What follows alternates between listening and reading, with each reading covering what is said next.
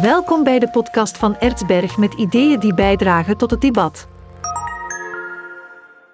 Welkom bij een nieuwe podcastaflevering van Ertsberg. Mijn gast vandaag is Ivan de Vader, auteur van een boek dat binnenkort uitkomt bij Ertsberg, Wanhoop in de Wetstraat. Welkom, meneer de Vader. Dag, uh, zal je maar David zeggen? Mag ik het dan bij Ivan houden? Absoluut, ja, geen enkel probleem. Prima. Ivan, een uh, boek, dit is niet je eerste boek uh, dat je uiteraard uitbrengt, maar het heeft wel een andere stijl. Waarom denk je dat, dat dit boek er nu op deze manier moest komen? Ik heb ehm, twaalf jaar geleden, 2010, een boek gepubliceerd en dat heette Pleidooi voor een eerlijke politiek. En dat was een beetje toen ontstaan uit een soort, ja, toch wel verontwaardiging, omdat ik merkte dat er een heleboel dingen misliepen en in, in, in het politieke milieu. En dat ik toen een poging deed om dat in de eerste plaats op te sommen en daar ook een aantal aanbevelingen aan, aan te doen. 2010 is de periode, um, als je gaat kijken, waarin ook alle politieke partijen eigenlijk met aparte brochures bijna komen. De NVA had een aparte brochure, Open VLD had een aparte brochure, Groen had een apart hoofdstuk in, in, in het verkiezingsprogramma. Uh, herinner je, 2010 zijn de verkiezingen die ontstaan door de val van de regering. Alexander de Croo als voorzitter van de Open VLD, die niet meer wil dat de onderhandelingen zoals Jean-Luc Dehane die aan het voeren was over de splitsing van de kieskring Brussel-Halle-Vilvoorde, dat die doorliepen op dat moment zonder al te veel succes. Dus wordt de stekker letterlijk uit de regering uh, getrokken. En dat gebeurde, klein detail, um, voor de eerste keer op Twitter. Hè, uh, Vincent van Quickenborne uh, tikte toen de tweet alia jacta est, de teling is geworpen. En dat was eigenlijk het signaal dat de regering viel. Maar goed, dat is een, een detail. Maar um, in die periode was het idee van, we moeten echt wel iets doen om die, die kloof met de burger, want dat is een, een heel belangrijk concept, om die te gaan dichten. En dus al die partijen hadden een, een, een hele reeks voorstellen. Um, een van de belangrijkste was toen, en, en, men is dat vergeten, het idee dat je niet op twee lijsten, of zelfs drie lijsten tegelijk mocht bereiken voor verkiezingen. Um, dat is afgeschaft intussen. Maar je had in die periode bijvoorbeeld iemand als Jean-Marie de Dekker, die zowel lijstre die Kamerlid was federaal, maar dan lijsttrekker voor de Vlaamse verkiezingen en nog eens lijsttrekker voor de Europese verkiezingen. En dan ook nog eens in die drie gevallen verkozen werd. Dus plotseling had Jean-Marie de Dekker drie banen. Er hij was niet de enige, er waren nog mensen. Het was een, een wijdverspreid gebruik. En dus dat betekent dat Jean-Marie de Dekker een opvolger in het Vlaams parlement loodste en ook nog eens een opvolger in het Europees parlement. En hij zelf bleef, bleef Kamerlid. Dat heette toen in wedstraattermen kiezersbedrog. Omdat ja, die twee opvolgers, dat klopte niet helemaal. Mensen hadden voor Jean-Marie de Dekker gekozen.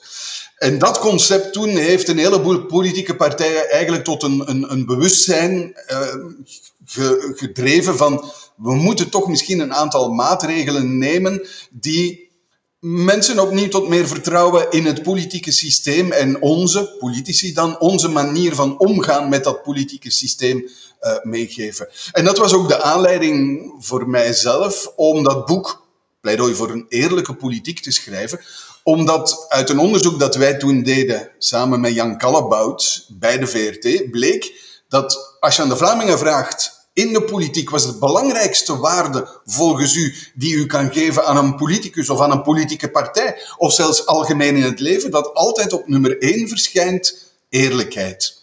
Niet bekwaamheid, niet verantwoordelijkheid, niet uh, de juiste man op de juiste. Nee, eerlijkheid. En dus vandaar ook die titel Pleidooi voor een eerlijke politiek.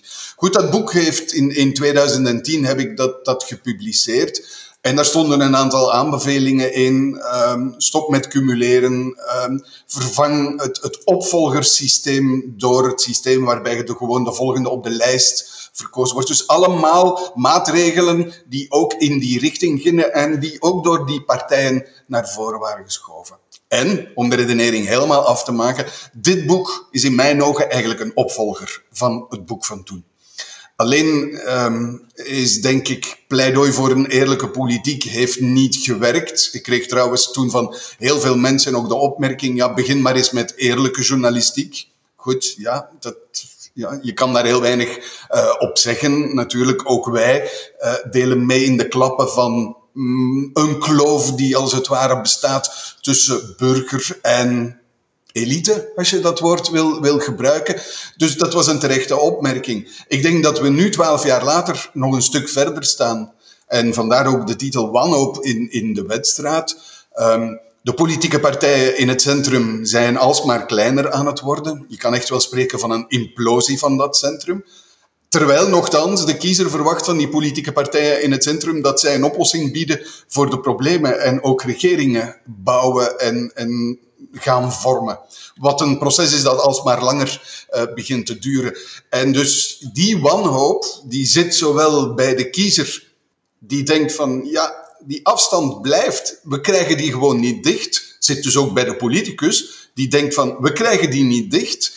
Maar zit ook in het feit dat politieke partijen die jarenlang het landschap hebben gedomineerd en oplossingen hebben aangeboden, die zelfs teruggaan tot in de 19e eeuw, dat die op dit moment dreigen zelfs te verdwijnen. Er, er zijn landen in Europa waar die ismes uit de 19e eeuw, socialisme, liberalisme, christendemocratisme, als ik dat dan wil gebruiken, eh, meestal wordt personalisme uh, gebruikt, waar die verdwenen zijn of dreigen te verdwijnen. En ik vrees dat dat een evolutie waar wij ook naartoe aan het gaan is. En vandaar dus die titel Wanhoop in de wedstrijd die wanhoop, dat wijst er dan toch ook wel op dat men geen antwoorden vindt op dit moment. Eh, is de vertwijfeling echt zo groot in de wedstrijd? Is men daar nu op zoek naar iets wat men totaal niet vindt en niet eens weet welke richting men moet uitgaan om een oplossing te vinden? Ik vrees daarvoor een stuk voor, om, omdat ik vaststel dat men al dertig jaar aan een stuk in naam van het dichten van de kloof van de burger allerlei maatregelen voorstelt. Uh, het afschaffen van de opkomstplicht, de rechtstreekse verkiezing van, van de burgemeester. Ik ga er nog een paar, kijk even, stemrecht op 16 jaar, het afschaffen van de Senaat, burgerbevragingen. Uh, zijn allemaal eigenlijk, als je naar de teksten van de regeerakkoorden gaat kijken, dingen die aangeboden worden of opgegeven worden vanuit het idee, we moeten de kloof met de burger dichten. In het regeerakkoord staat telkens bij al die maatregelen dat ene zinnetje of dat ene uh, concept. En dus ja, je moet vaststellen, vermis die kloof met de burger een permanente kloof is. Daar zijn misschien wel wat fluctuaties afhankelijk van de politieke situatie. Maar eigenlijk, als je al naar de afgelopen 30 jaar gaat kijken, Um, er is gemeten in Vlaanderen vanaf 1996. Er wordt in Europa al langer gemeten. In de Verenigde Staten meet men vanaf 1958. Specifiek naar het vertrouwen en die kloof tussen politiek en burger. Maar dan stel je gewoon vast, ja, die is afgenomen vanaf het einde van de jaren 60, is ergens in de jaren 80, 90 op een soort volwassen niveau gekomen, als je dat woord wil, wil gebruiken. En sindsdien blijft hij in grote mate gelijk. Betekent ook dat al die maatregelen die men neemt met het idee, we gaan de opkomstplicht afschaffen in, het na, in de naam van een dichter van de kloof met de burger, weinig oplost. Um, als je nog een graadmeter neemt, die wel eens in de politiek wordt gebruikt, namelijk het terugdringen van een partij als Vlaams Belang, omdat die beschouwd wordt als een uiting van dat wantrouwen tussen partij en politiek, politicus en burger. Ook daar kan je niet echt zeggen dat er iets gebeurd is dat die partij teruggedrongen is. En wanneer dat wel gebeurd is, in het jaar 2014, toen Vlaams Belang 5% groot was, dan zijn er vooral andere redenen te zoeken. Een generatiewissel bij die partij, interne ruzies binnen die uh, partij, uh, een, een, iets wat eigenlijk niet met het dichten van die kloof van de burger uh, te maken heeft. Dus het is een beetje ook kijken van, ja, als al die maatregelen die men voorop stelt niet werken, wat werkt dan wel nog? En dat dat element zit natuurlijk ook in die wanhoop in de wedstrijd. Deze podcast wordt mogelijk gemaakt dankzij Erzberg. Het boek Wanhoop in de wedstrijd is reeds vooraf te bestellen op erzberg.be. Schrijf u ook in op onze nieuwsbrief en ontvang een code om een 10% korting te krijgen op uw eerste aankoop. Blijf onze nieuwsbrief in de gaten te houden om te weten wanneer de boekvoorstellingen zullen gebeuren van Wanhoop in de wedstrijd. En denk jij dan dat er oplossingen te vinden zijn. Uh, misschien zelfs buiten het lijstje wat je genoemd hebt. En ga je dan in je boek ook op zoek naar andere manieren om die kloof te dichten? Uh, ik, denk het, ik, ik, denk het wel, maar um, goed schoen, schoenmaker blijft bij je leest. Ik sta aan de zijkant en het is ook vanuit die zijkant, dat is denk ik ook de rol van een journalist, dat je naar dat universum kijkt. En um, ik weet niet hoe het is om in dat universum te zitten en vanuit dat universum te kijken naar de wereld en naar die kloof. En hoe moeilijk het is om, om ja, als je zelf in die situatie zit, om die kloof te dichten. Maar het valt mij op dat alle maatregelen die naar voren zijn geschoven in die afgelopen 30 jaar, en die eigenlijk teruggaan tot de burgermanifesten van, van, van Guy Verhofstadt, en wat toen in de, de, de befaamde zaal F gebeurd is. Dus je hebt de burgermanifesten, laten we maar zeggen, eind jaren 80, begin jaren 90. En dan heb je de zaak Dutroux met de Witte Mars. En dan is men in de Senaat met een aantal mensen, Bert Anciot, Guy Verhofstadt, Jos Gijsels, maar zelfs Pieter de Krem van de uh, eh, zat daar, of CVP toen nog, uh, zat, daar, zat daarbij. Is men gaan samenzitten en heeft men gedacht van, ja, welke maatregelen kunnen we nemen? Maar dat zijn de maatregelen die nu voor een stukje ook in die 30 jaar uitgeprobeerd zijn. De lijststem halveren, um, iets doen aan de cumul, wat ook maar half gebeurd is. Maar al die andere maatregelen, stemrecht op 16 is er nu, rechtstreekse verkiezing van de burgemeester is er nu. Dus je, je ziet dat is niet echt, dat heeft niet echt gewerkt, omdat ze in mijn ogen ook allemaal heel rationele maatregelen zijn, typisch voor politiek. Voor politiek, er is een probleem, we draaien even aan de knoppen en je krijgt een oplossing voor het probleem. En blijkbaar werkt dat niet. Ik denk dat emotionele oplossingen, maar die zijn veel moeilijker, dat die meer zouden kunnen bijdragen. Ik geef een aantal voorbeelden. Uh, en dan wordt meteen duidelijk wat ik bedoelde, hoe moeilijk het is wanneer je in dat universum zelf zit. Um, ten tijde van eh, de, de, de, laten we maar zeggen, de financiële crisis, hebben een aantal parlementen beslist om het loon van de parlementsleden, trouwens ook de ministers, om dat met 5% te verminderen. Dat is voor de eerste keer toegepast door de regering Di Rupo, in 2012 door het federaal parlement. Het Vlaamse parlement heeft die maatregel pas ontdekt, tussen aanhalingstekens, in 2019. En heeft dan gezegd, ja, we zouden dat signaal eigenlijk ook moeten geven. We zullen het loon van de parlementsleden met 5% verminderen. Dat is een besparing die we ook aan onze burgers hebben opgelegd. Wat blijkt nu? De Vlaamse parlementsleden hebben die beslissing die ze in 2019 genomen hebben, hebben die gewoonweg vergeten.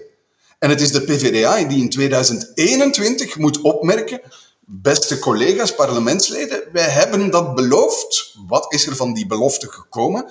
Niets dus. Dus twee jaar later moet je vaststellen dat politici die meestal zeer goed zijn in het zich herinneren van maatregelen en nemen van maatregelen, wanneer het over hun eigen vergoeding gaat, dat soort dingen gewoon vergeet en ook negeert.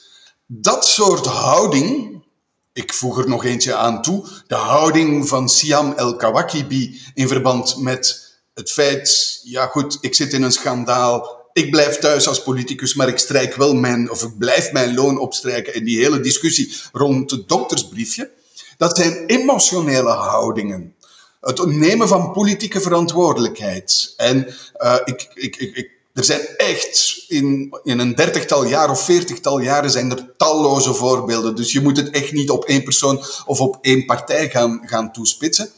Maar recente voorbeelden zijn natuurlijk uh, Veerle Heren bijvoorbeeld als burgemeester van Sint-Truiden neemt niet haar politieke verantwoordelijkheid op. Wordt er wel toe gedwongen door Bart Somers als minister van Binnenlandse Zaken. Wouter Beke neemt zijn politieke verantwoordelijkheid niet op als je denkt aan wat er gebeurd is in de woonzorgcentra of bij het overlijden van een kind in een, uh, in een crèche. Wordt daartoe nadien wel gedwongen omdat een peiling tegenvalt en de voorzitter van de partij op, opstapt en de druk dan op zijn positie zo groot wordt dat hij ook opstapt. Maar het is niet het nemen van de politieke verantwoordelijkheid, waardoor iemand als Wouter Beke ook niet geniet van de loutering die zo'n opstappen wel eens teweeg brengt. Denk bijvoorbeeld aan Stefan de Klerk en Johan van der Lanotte, die opstapten ten tijde van de ontsnapping uh, van, van Marc Dutroux, waar geen van beiden een eigen individuele verantwoordelijkheid had, maar wel een politieke verantwoordelijkheid. De, dat, dat soort dingen allemaal. Uh, ik, ik, geef nog een voorbeeld. Politieke hygiëne. Wat bedoel je met politieke hygiëne? Je gaat als vice-premier van een regering niet op een persconferentie zitten waarin het beleid van de regering eigenlijk wordt aangevallen.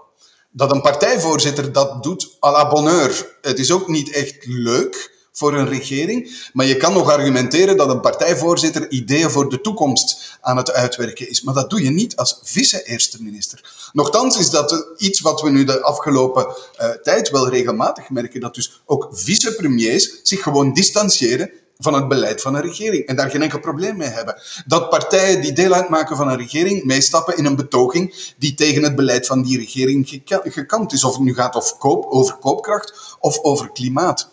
Dat zijn allemaal al uw elementen die meer in de emotionele uh, sector zitten, maar die misschien wel een bijdrage kunnen leveren in het herstel van het vertrouwen dat mensen kunnen hebben in de politicus en het politieke systeem. Gaat het probleem niet een heel stuk verder dan dat? Moeten we de analyse ook niet durven maken dat uh, politiek met een probleem zit omdat de overheid met een probleem zit? Ik denk dan bijvoorbeeld aan het feit dat er toch wel nood is, en zelfs dringend nood, aan een kerntakendebat, omdat we een overheid hebben die enerzijds met alles bezig is, maar dan vaak op net die taken die echt wel tot een overheidstaak behoren, dat ze daarin falen. En zou de burger daarom niet enorm veel het vertrouwen kwijt zijn in de overheid en de politiek? Ja, maar dan ga je eigenlijk bijna in de ideologie en in de maatregelen uh, die moeten genomen worden. Mij gaat het niet om de maatregelen op zich, mij gaat het over een houding van, van een, een politicus. Een soort zuiverheid in, in denken ook. En wat jij zegt, je kan daar heel veel voorbeelden van geven. En die zijn zelfs ideologisch gekleurd. Want mensen die zich eerder links voelen, zullen op een andere manier tegen dat kerntakendebat aankijken dan mensen die zich eerder ideologisch rechts uh, voelen. En dan stap je in de ideologie. En dat heeft natuurlijk een, een gevolg. Maar het blijkt dat mensen die zich links van het centrum plaatsen, ook wel meer vertrouwen hebben in regeringen waar linkse partijen van deel uitmaken. Dus dat die ideologische component van het wantrouwen wordt meestal gedicht wanneer de eigen ideologie vertegenwoordigd zit uh, in, in de regering. Dus daar zit niet volgens mij het probleem. Het probleem zit in de houding van politici, vertegenwoordigers, vertegenwoordigers van het volk in het systeem en hoe dat systeem functioneert, waarbij heel vaak wijzigingen aan dat systeem alleen door de politici zelf kunnen gebeuren en niet door een externe factor. Uh, ik geef maar een voorbeeld. Uh, de heel royale, in mijn ogen te genereuze en te royale partijfinanciering zorgt ervoor dat partijen een heleboel mechanismes gaan toepassen bijvoorbeeld heel veel geld kunnen uitgeven aan communicatie. Um, is dat nodig? De klemtoon bijna uitsluitend op communicatie gaan leggen. Is dat een, een goed beleid? Een uh, soort vermogen opbouwen waarbij partijen bijna onafhankelijk worden van de kiezer. Um, ik, ik, zeg maar wat, stel dat de NVA de volgende drie, denk ik zelfs, verkiezingen volledig zou verliezen, bijna zelfs tot aan de kiesdrempel zou terugvallen, dan is er een oorlogskas, en dat geldt eigenlijk voor alle partijen, die hen perfect in staat stelt om die drie nederlagen te overbruggen zonder enig probleem. Er is toch voldoende geld. Dus je kan gewoon een beetje terugkrabbelen en terug heel zwaar op die communicatie inzetten met die oorlogskas die er sowieso is heeft trouwens Vlaams Belang bewezen. Jean-Marie de Dekker op dezelfde manier heeft dat uh, bewezen, dat dat perfect mogelijk is en dat die kas uh, er is. Maar dat betekent natuurlijk dat je je voor een stuk ook loskoppelt van die kiezer. Dat die kiezer en die achterban, dat dat voor een stuk uit elkaar wordt ge getrokken, omdat je daar toch eigenlijk heel weinig mee te maken hebt door die, dat vermogen dat, dat opgebouwd is. Ik ga nog een voorbeeld geven. Um, wanneer gemeenten fuseren, dan heeft men de neiging om vooral te gaan fuseren met de gemeente waar ook een burgemeester zit van dezelfde politieke ideologie. En dat geeft natuurlijk de indruk dat de fusie en het algemeen belang en het samenwerken van gemeenten en een economische samenhang tussen gemeenten, dat dat niet de eerste prioriteit is, maar wel de politieke aanhankelijkheid samenhang en dus het behoud van de macht, de politieke macht, omdat je natuurlijk gaat zoeken naar plaatsen waar je sowieso al aan de macht bent. Al dat soort mechanismen geeft aan, en dat, dat is los van de ideologie, dat gebeurt zowel bij de CD&V, bij de Open VLD, bij andere partijen, dat staat daar gewoon los van. Dat is het systeem. En dat is wat, wat, wat ik bedoel met ja, die, die meer emotionele argumenten. Mocht je, en misschien ook de moeilijkheid van een politicus die in dat systeem zit, waarschijnlijk is dat, speelt dat een belangrijke rol. Maar mocht je eruit kunnen stappen en naar dat systeem kijken, dat je dan misschien denkt van ja, dit is niet het perfecte systeem. En de analyse of de term die erop gekleefd wordt bestaat, hè, de particratie. Ook dat is een niet-ideologische term, maar wel een term voor een systeem. En dat systeem speelt ons, denk ik, in die kloof met de burger echt wel parten. Bij de lancering van je boek gaan, ga je ook eigenlijk de ronde der provincies doen. er komen verschillende debatavonden met uh, mensen uit het politieke speelveld, waaraan dat jij gaat deelnemen, maar waarbij jij niet, zoals we van jou gewoon zijn, de moderator zal zijn, maar waarbij je echt gaat deelnemen aan het debat. Een hele andere insteek dus. Kijk je daar naar uit?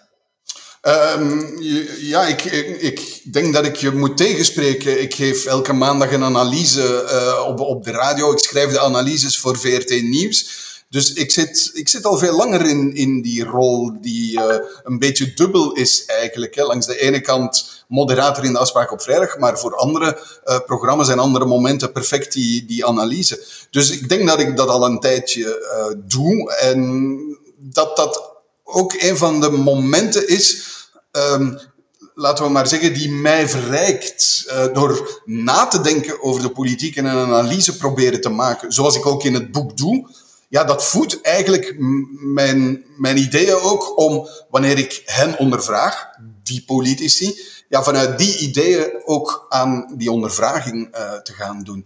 En dus in die zin heb je een soort verrijking van de twee rollen die ik uh, vaak speel.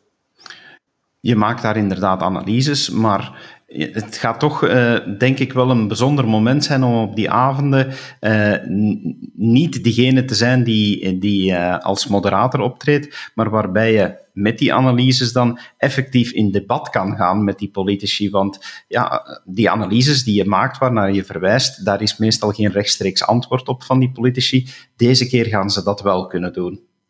Ja, maar ook dat. Uh, ik ben al verschillende keren te gast geweest bij Farah of Bart in, in de gewone afspraak, zoals wij dat dan noemen. Dus niet de afspraak op, op, op vrijdag. En meestal zit daar ook een politicus uh, die, die wel wat wederwoord geeft. Ehm, bovendien denk ik. Um, de analyses die ik maak zijn voor een stuk ook gebaseerd, en dat doet iedere politieke journalist, op gesprekken die je hebt in de wedstrijd. Dat gaat van politici tot politicologen, tot onderzoek dat je leest en, enzovoort. Dus um, je baseert die analyses natuurlijk niet in het luchtledige of op het luchtledige. En dus in, in die zin uh, denk ik dat ook bij heel wat politici um, er toch wel mensen zijn die vergelijkbare analyses uh, maken. Ze gaan misschien nooit zo helemaal ver. Ze, ze proberen niet de 360 graden te brengen die ik dan als journalist probeer uh, te brengen. Maar ja, dat beschouw ik dan als, als mijn taak en aan hen om... Uh, dat beschouw ik dan als hun opdracht om daar een antwoord op te geven en, en misschien te proberen om, om er iets aan te doen. En laatste punt, David, laten we toch ook onszelf als burger en als kiezer uh, niet vergeten. Wanneer we kritiek hebben op een particratie, moeten we misschien ook toch eens nadenken wanneer we naar het stemhokje gaan en je kiest voor een bepaalde politicus. Ik zeg nu maar wat, een politicus die voornamelijk met communicatie bezig is, maar die je voor de rest weinig in parlementen aan het werk hebt gezien en weinig wetgevend werk hebt, hebt, hebt gedaan.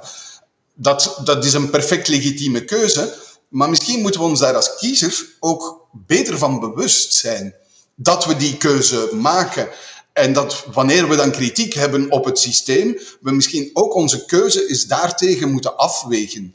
En dat, dat vind ik ook een belangrijke les voor mijn boek. Het is niet alleen geschreven voor, voor politici. Politici zitten de, zitten natuurlijk, vermits zij het, systeem kunnen wijzigen, zitten aan, aan, of hebben de sleutels in handen. Maar ook de kiezer heeft volgens mij een grote verantwoordelijkheid en kan niet van twee walletjes blijven eten. Je kan niet klagen over een systeem En dan vrolijk hetzelfde systeem blijven toepassen. En bijvoorbeeld, wanneer je naar de keuzes van de kiezer kijkt, dan merk je toch dat heel vaak bekendheid een veel grotere rol heeft gespeeld in de keuze dan bekwaamheid. Dus het, gewoon het feit dat iemand bovenaan een lijst staat en vaak op tv komt, is voor een kiezer in ons systeem met die opkomstplicht vaak een grotere drijfveer om daarvoor te kiezen dan het andere. Misschien moeten we daar als kiezer ook eens over nadenken. Veel om over na te denken. Het boek gaat daar zeker bij helpen. Wanhoop in de Wetstraat komt in september uit. Is nu reeds uh, vooraf te bestellen. Dus ik denk dat heel wat mensen er al uh, kunnen naar uitkijken. Ivan, dank je wel dat je de tijd hebt genomen om al een voorsmaakje te geven. Graag gedaan, graag gedaan, David. En u, beste luisteraar, dank u wel dat u geluisterd hebt. En kijk zeker uit naar het boek en heel graag tot de volgende keer. Dag.